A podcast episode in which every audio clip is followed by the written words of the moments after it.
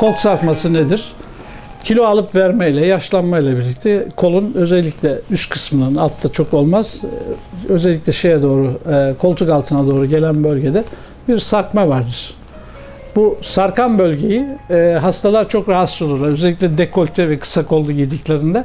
Bu bölge iki şekilde düzeltilebilir. Bir liposuction ya da lazer lipoliz veya laser lipolizle içindeki yağı boşaltırsınız. Derinin çekmesini beklersiniz. Daha sonra deriye lazer uygulanabilir ya da askı uygulanabilir.